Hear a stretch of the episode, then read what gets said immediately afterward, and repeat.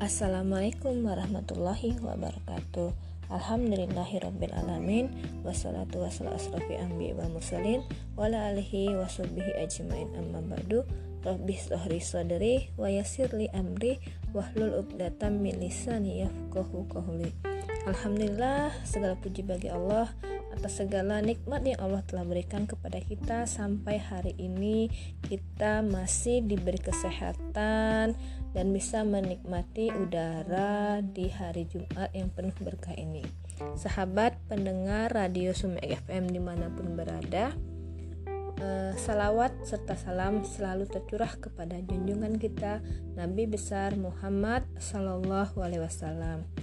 Untuk para pendengar sahabat radio Sumek FM di mana pun berada yang hari ini mungkin Allah uji dengan sakit semoga Allah angkat penyakitnya yang hari ini Allah beri kesehatan semoga tetap menjaga kesehatan di tengah wabah pandemi COVID-19 yang belum usai Sahabat eh, pendengar radio Sumek FM hari ini saya uh, masih diberi kesempatan untuk menyapa sahabat semua.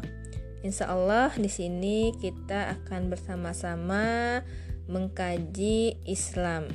Semoga apa yang saya sampaikan bermanfaat bagi diri saya dan bagi sahabat yang selalu setia mendengarkan radio Sumek FM. Sahabat, eh, sebentar lagi kita akan merayakan Idul Adha bulan ini sudah masuk bulan Zulhijjah ya di mana bulan ini adalah bulan eh, hari raya umat muslim yaitu hari raya Idul Kurban Insya Allah kita hari ini e, berbicara tentang hukum-hukum seputar kurban. Karena bagaimana kita bisa mempersiapkan eh, hari raya Idul Kurban kita dengan sebaik mungkin. Ini saya ambil dari media Muslimah News ID eh, yang diisi oleh Kiai Haji Muhammad Sidik Aljawi, sarjana Sains Islam dan Master Sains Islam. Eh, di sini fikih tentang eh, kurban itu kalau dilihat dari bahasa Arabnya, kurban itu diambil dari kata koruba yang artinya mendekat atau menghampiri. Menurut istilah, kurban adalah segala sesuatu yang digunakan untuk mendekatkan diri kepada Allah Subhanahu wa taala, baik berupa hewan sembelihan maupun yang lainnya. Dalam bahasa Arab, hewan kurban disebut juga dengan istilah udhiyah atau ad-dahiyah dengan bentuk jamaknya al-dahi. Udahiyah adalah hewan kurban bisa seperti unta, sapi, dan kambing yang disembeli pada hari raya kurban dan hari-hari tasyrik sebagaimana bentuk dari takorub yaitu pendekatan diri kepada Allah Subhanahu wa taala. Nah, sahabat pendengar radio Sumek FM, bagaimana hukum kurban itu? Nah, hukum kurban itu adalah sunnah. Jadi tidak wajib, tetapi ketika itu sunnah, maka itu sangat dianjurkan bagi orang yang mampu. Nah, mampu ini eh, kaya yang memiliki harta untuk membeli hewan kurban tersebut. Baik orang itu berada di kampung halamannya ataupun posisinya dia sedang melakukan perjalanan atau seorang musafir maupun ketika dia mau berkurban dia sedang mengerjakan ibadah haji.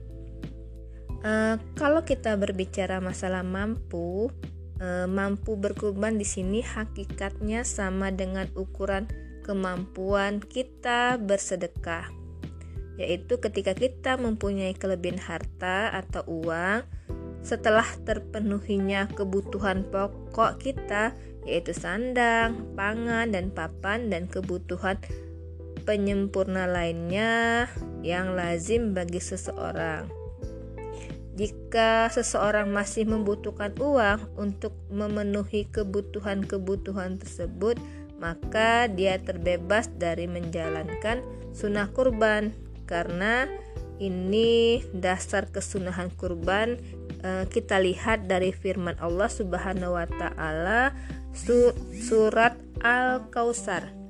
Fasolli li rabbika wanhar maka dirikanlah sholat karena Tuhanmu dan berkurbanlah. Juga hadis riwayat At-Tarmizi, aku diperintahkan diwajibkan untuk menyembelih kurban, sedangkan kurban itu bagi kamu adalah sunnah. Juga dari hadis riwayat Ad-Darukutni telah diwajibkan atasku Nabi Shallallahu Alaihi Wasallam kurban dan tidak dan ia tidak wajib atas kalian. Nah, berdasarkan dari dua hadis tadi yang saya bacakan, bahwa kurban adalah sunnah. Nah, sahabat pendengar radio Sumek FM di mana pun berada, eh, jadi kurban itu sunnah bukan sesuatu yang wajib, namun kurban adalah wajib atas Nabi Shallallahu Alaihi Wasallam dan itu adalah salah satu kekhususiatan beliau. Jadi hanya untuk Rasulullah yang diwajibkan berkurban sedangkan e, umatnya Rasulullah maka itu hukumnya adalah sunnah. Nah, orang yang mampu berkurban tapi tidak berkurban hukumnya makruh sebagaimana hadis riwayat Ahmad, Ibnu Majah dan Al-Hakim dari Abu Hurairah radhiyallahu an. E, di sini barang siapa yang mempunyai kemampuan tetapi ia tidak berkurban, maka janganlah sekali-sekali ia menghampiri tempat sholat kami. Nah, di sini, jadi perkataan "janganlah sekali-kali ia menghampiri tempat sholat kami" adalah suatu celaan yang tidak layak seseorang yang ber, yang tak berkurban, padahal ia mampu. Jadi, ketika dia mampu, dia tidak berkurban, maka uh, dia tidak layak untuk mendekati tempat sholat Idul Adha. Namun, ini bukan celaan yang sangat berat, itu kan sama halnya uh, ketika uh, predikat uh, uh, termasuk perbuatan setan atau mati jahiliyah dan sebagainya. Lagi pula, meninggalkan sholat idul adha tidaklah berdosa sebab hukumnya sunnah dan tidak wajib, maka celaan tersebut mengandung hukumnya makruh, bukan haram. Ini bisa dilihat dari kitab Atta Ibnu Khalid Tashir al-Wusu al-Usul gitu, halaman 24. Namun, hukum kurban dapat menjadi wajib jika menjadi nazar seseorang sebab memenuhi nazar adalah wajib sesuai hadis Nabi Shallallahu Alaihi Wasallam dari Al Bukhari, Abu Dawud dan Al Tirmizi. Barang siapa yang bernazar untuk ketaatan kepada Allah, maka hendaklah ia melaksanakannya Barang siapa yang bernazar untuk kemaksiatan kepada Allah, maka janganlah ia melaksanakannya. Nah, hukum kurban yang tadi sunnah akan menjadi wajib jika seseorang ketika membeli kambing misalnya berkata ini milik Allah atau ini binatang kurban, maka itu tadi eh, hukumnya menjadi wajib ya. Nah, bagaimana keutamaan kurban? Eh, utama kurban sahabat pendengar radio Sumek FM eh, itu merupakan amalan yang paling dicintai Allah Subhanahu wa taala pada saat Idul Adha. Rasulullah SAW bersabda hadis riwayat At-Tirmizi mengatakan tidak ada suatu amalan anak Adam pada hari raya kurban yang lebih dicintai Allah selain menyembelih kurban. Nah, berdasarkan hadis itu, maka Imam Ahmad bin Hambal, Abu Zanna dan Ibnu Tamiyah berpendapat menjembeli hewan pada hari raya kurban atau akikah setelah mendapat anak dan uh, hadyu ketika pergi haji lebih utama daripada sedekah yang nilainya sama. Nah, sahabat, ini juga ada hadis riwayat uh, Al-Bahaki yang mengatakan bahwa Tetesan darah hewan kurban akan memintakan ampunan bagi setiap orang yang berkurban sebagaimana sabda Nabi Shallallahu Alaihi Wasallam. Hai Fatimah, bangunlah dan saksikanlah kurbanmu karena setiap tetes darahnya akan memohon ampunan dari setiap dosa yang telah kau lakukan. Jadi ya itu ya ketika kita berkorban maka kita harus menyaksikan hewan yang kita korban itu e, disembelih. Jadi e, sahabat pendengar radio Sumek FM, bagaimana nih waktu dan tempat e, berkurban itu? Jadi waktunya yaitu ketika dilaksanakan setelah sholat Idul Adha yakni tanggal 10 Zulhijjah hingga hari Tashrik hari terakhir Tashrik yaitu tanggal 13 hari tasri itu kan ada 11, 12 dan 13 Zulhijjah. Nah, kurban tidak sah nih bila disembeli sebelum sholat Idul Adha. Kenapa? Berdasarkan hadis Rasulullah SAW yang diriwayatkan uh, hadis riwayat Bukhari mengatakan barang siapa menyembelih kurban sebelum sholat Idul Adha tanggal 10 Zulhijjah maka sesungguhnya ia menyembelih untuk dirinya sendiri. Dan barang siapa menyembelih kurban sesudah sholat idul adha maka sesungguhnya ia telah menyempurnakan ibadahnya berkurban dan telah sesuai dengan sunnah atau ketentuan Islam. Begitu juga sabda Rasulullah SAW Hadis riwayat Ahmad dan Ibnu Hibban mengatakan semua hari tasrik tanggal 11, 12, dan 13 Zulhijjah adalah waktu untuk menyembelih kurban. Jadi, menyembelih kurban itu sebaiknya pada siang hari, bukan malam hari. Karena pada tanggal yang telah ditentukan itu, menyembelih pada malam hari hukumnya syah tetapi makruh. Nah, inilah pendapat para imam seperti Imam Abu Hanafi, Abu Syafi'i, Ahmad, Abu Syaur, dan jumhur ulama lainnya. Ini yang kadang kita menjadi problematika umat saat ini ya.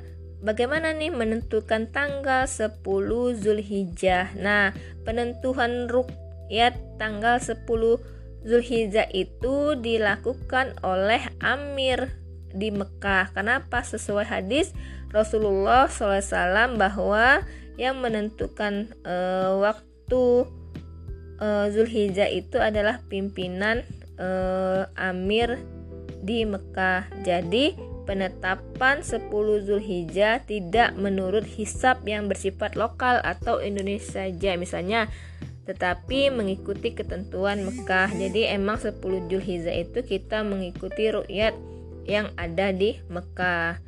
Patokannya adalah waktu para jemaah haji melakukan wukuf di padang Arafah yaitu pada tanggal 9 Zulhijjah. Maka keesokan harinya berarti sudah 10 Zulhijjah bagi kaum muslimin di seluruh dunia. Nah, tempatnya di mana nih melakukan kurban? Jadi, diutamakan tempat penyembelihan kurban itu adalah di dekat tempat sholat Idul Adha di mana kita sholat. Misalnya nih kita sholat di lapangan atau di masjid, maka kurbannya itu kita di, e, dilakukan di tempat kita yang sholat tadi, sebab Rasulullah SAW berbuat demikian. Tetapi itu tidak wajib karena Rasulullah pun mengizinkan penyembelihan di rumah sendiri. Jadi ketika kita nih mampu misalnya membeli satu ekor sapi bersama keluarga kita kayak para artis itu ya, mereka menyembeli hewan kurbannya itu di rumahnya itu juga dibolehkan. Nah, sahabat Abdullah bin Umar radhiyallahu menyembelih kurban di manhar yaitu penjagalan atau rumah potong hewan. Jadi ya, jadi tempatnya itu bisa di masjid, di lapangan, yang uh, juga bisa di rumah kita, juga bisa di tempat pemotongan hewan.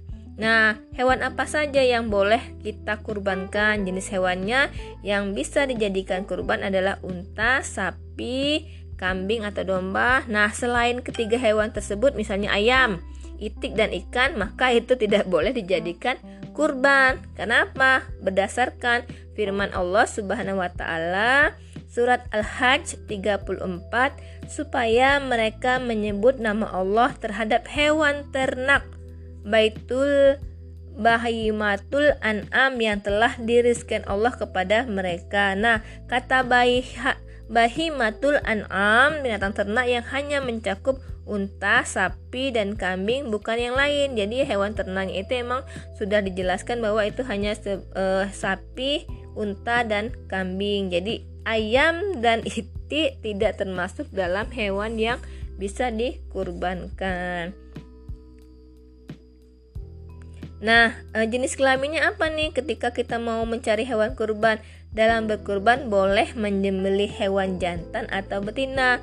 Tidak ada perbedaan sesuai hadis Nabi SAW yang bersifat umum mencakup kebolehan berkurban dengan jenis jantan dan betina dan tidak melarang salah satu jenis yang lainnya. Nah, umur hewan yang dikurban pun Sesuai hadis e, Rasulullah SAW dianggap mencukup berkurban dengan kambing atau domba berumur satu tahun masuk tahun kedua atau sapi atau kerbau yang berumur dua tahun atau masuk ke tiga tahun dan unta yang berumur lima tahun. Bagaimana kondisi hewannya?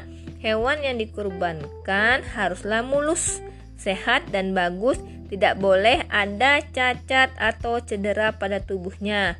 Sudah dimaklumi kurban adalah takorup kepada Allah maka usahakan hewannya berkualitas prima dan nomor satu ataupun top bukan kualitas yang sembarangan. Nah berdasarkan hadis-hadis Nabi SAW tidak dibenarkan berkurban dengan hewan yang buta matanya sebelah gitu kan. Terus hewan itu uh, menderita penyakit dalam keadaan sakit atau e, pincang kakinya hewan tersebut atau hewan tersebut kakinya lemah, kurus, tanduknya e, tidak ada, kupingnya tidak ada, gitu kan, hidungnya terpotong, ekornya tidak ada, putus, rabun matanya ini e, tidak dibolehkan. Jadi harus benar-benar hewan yang sehat ya. Tidak boleh ada hewan yang cacat. Nah, hewan yang dikebiri boleh dijadikan hewan kurban sebab Rasulullah SAW pernah berkurban dengan dua ekor kibasi yang gemuk bertanduk dan telah dikebiri. Ini berdasarkan hadis riwayat Ahmad dan Tarmizi. Nah, bagaimana sahabat ketika kita mau kurban dan kurban untuk diri sendiri dan patukan? E, jadi ini hukumnya seekor kambing berlaku untuk satu orang. Tak ada kurban patungan uh, untuk satu ekor kambing. Jadi satu ekor kambing itu hanya untuk satu orang. Sedangkan seekor unta atau sapi boleh patungan untuk tujuh orang. Ini berdasarkan hadis riwayat Muslim. Lebih utama satu orang berkurban satu ekor unta atau sapi. Nah ini ada pertanyaan nih, gimana Ustadz jika murid-muridnya e, sebuah sekolah nih atau para anggota semua jamaah pengajian iuran uh, lalu dibelikan kambing dapatkah dianggap telah berkurban? Nah menurut Ustadz Al-Jawi ini mengatakan bahwa uh, belum dapat dikategorikan kurban tetapi hanya latihan kurban. Sembelihlah sembelihannya sah jika memenuhi syarat-syarat penyembelihan namun tidak mendapatkan pahala kurban wallahu alam.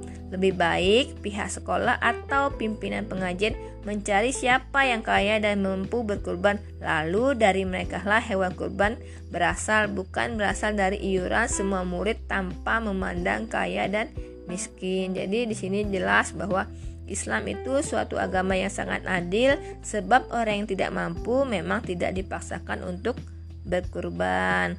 Perlu juga ditambahi bahwa dalam satu keluarga atau satu rumah, bagaimanapun besarnya keluarga itu, dianjurkan ada seorang yang berkurban dengan seekor kambing. Ini sudah memadai dan syariat Islam telah ditegakkan meskipun yang mendapat pahalanya hanya satu orang yaitu orang-orang yang berkurban itu sendiri. Nah, ini bagaimana teknis penyembelihannya?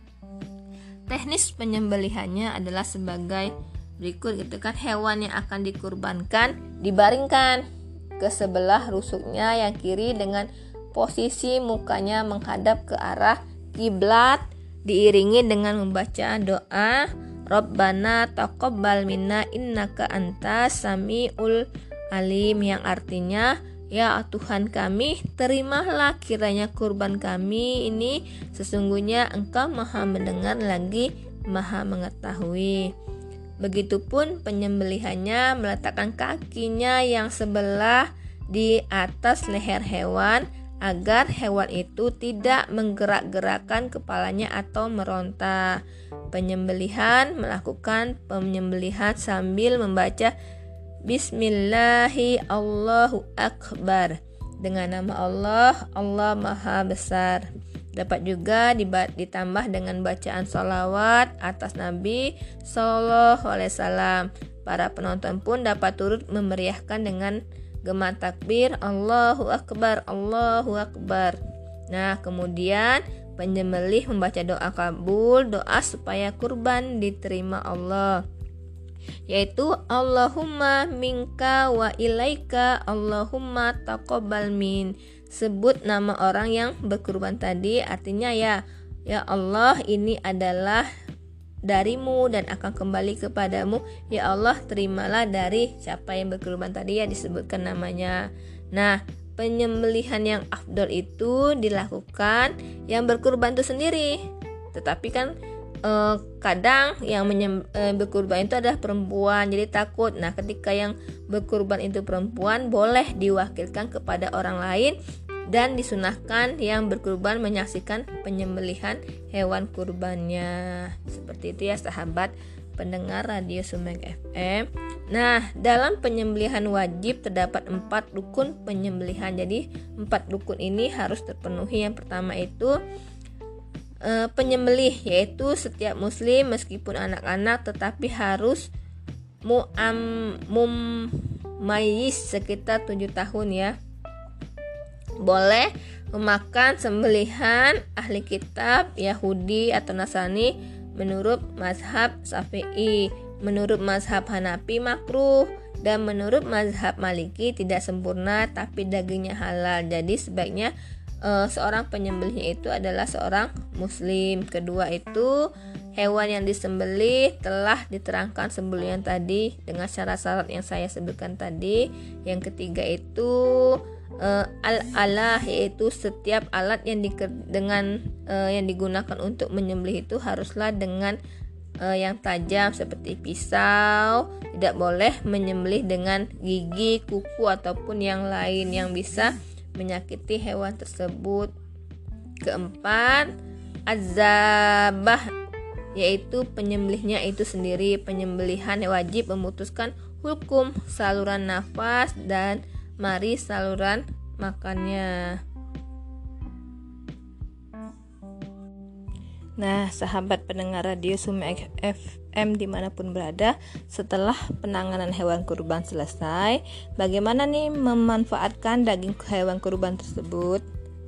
Jadi, ketentuannya disunahkan bagi orang yang berkurban untuk memakan daging kurban atau menyedekahkannya kepada orang-orang fakir dan menghadiahkannya kepada karib kerabat. Karena sesuai sabda Rasulullah SAW makanlah daging kurban itu dan berikanlah kepada fakir miskin dan simpanlah.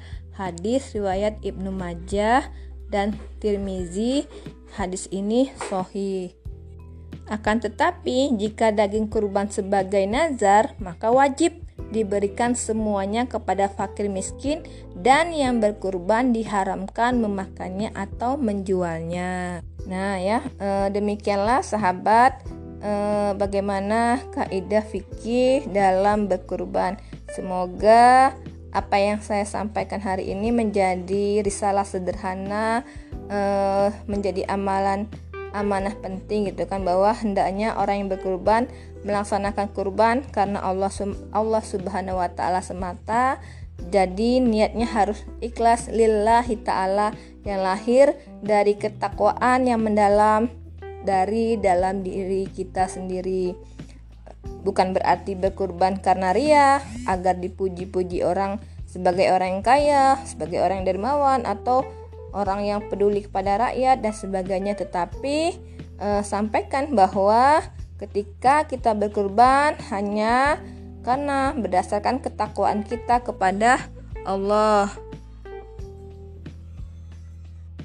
Demikianlah uh, kajian hari ini tentang fikih kurban. Semoga ini menjadi ilmu yang bermanfaat bagi kita dan bagi para pendengar uh, radio Sumek FM di mana pun berada.